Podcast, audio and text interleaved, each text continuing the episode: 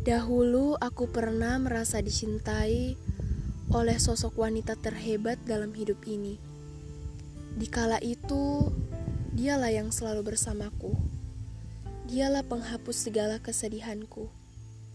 Waktu berjalan, hari demi hari, dia lelah. Aku mulai panik mengkhawatirkan keadaannya. Tetapi takdir berkata lain. Sang ilahi menyuruhnya beristirahat selamanya. Aku menangis saat itu. Bagaimana aku di masa depan tanpanya? Hanya air mata yang menetes di saat mengingat perjuangan yang dia lakukan untukku. Kutanya diriku, apa pernah aku berjuang untuknya semasa hidup? Tak akan ada yang bisa kulakukan selain menangis hingga mata ini perih. Sesuatu tak jelas lagi dilihat oleh mataku. Aku mulai panik memikirkan diriku.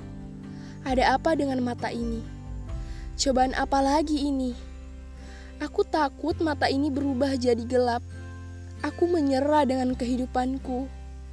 Aku mencari-cari apa kesalahanku selama ini pada Sang Ilahi. Kenapa orang terkasihku diambilnya?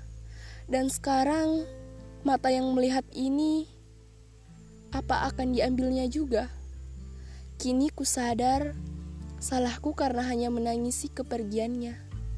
Hidup ini hanya titipan. Aku pun nantinya akan kembali. Sang ilahi lebih menyayanginya. Sesulit apa pun hidup, pasti ada jalan untuk menyelesaikannya. Jangan bersedih, sang ilahi tak pernah tidur.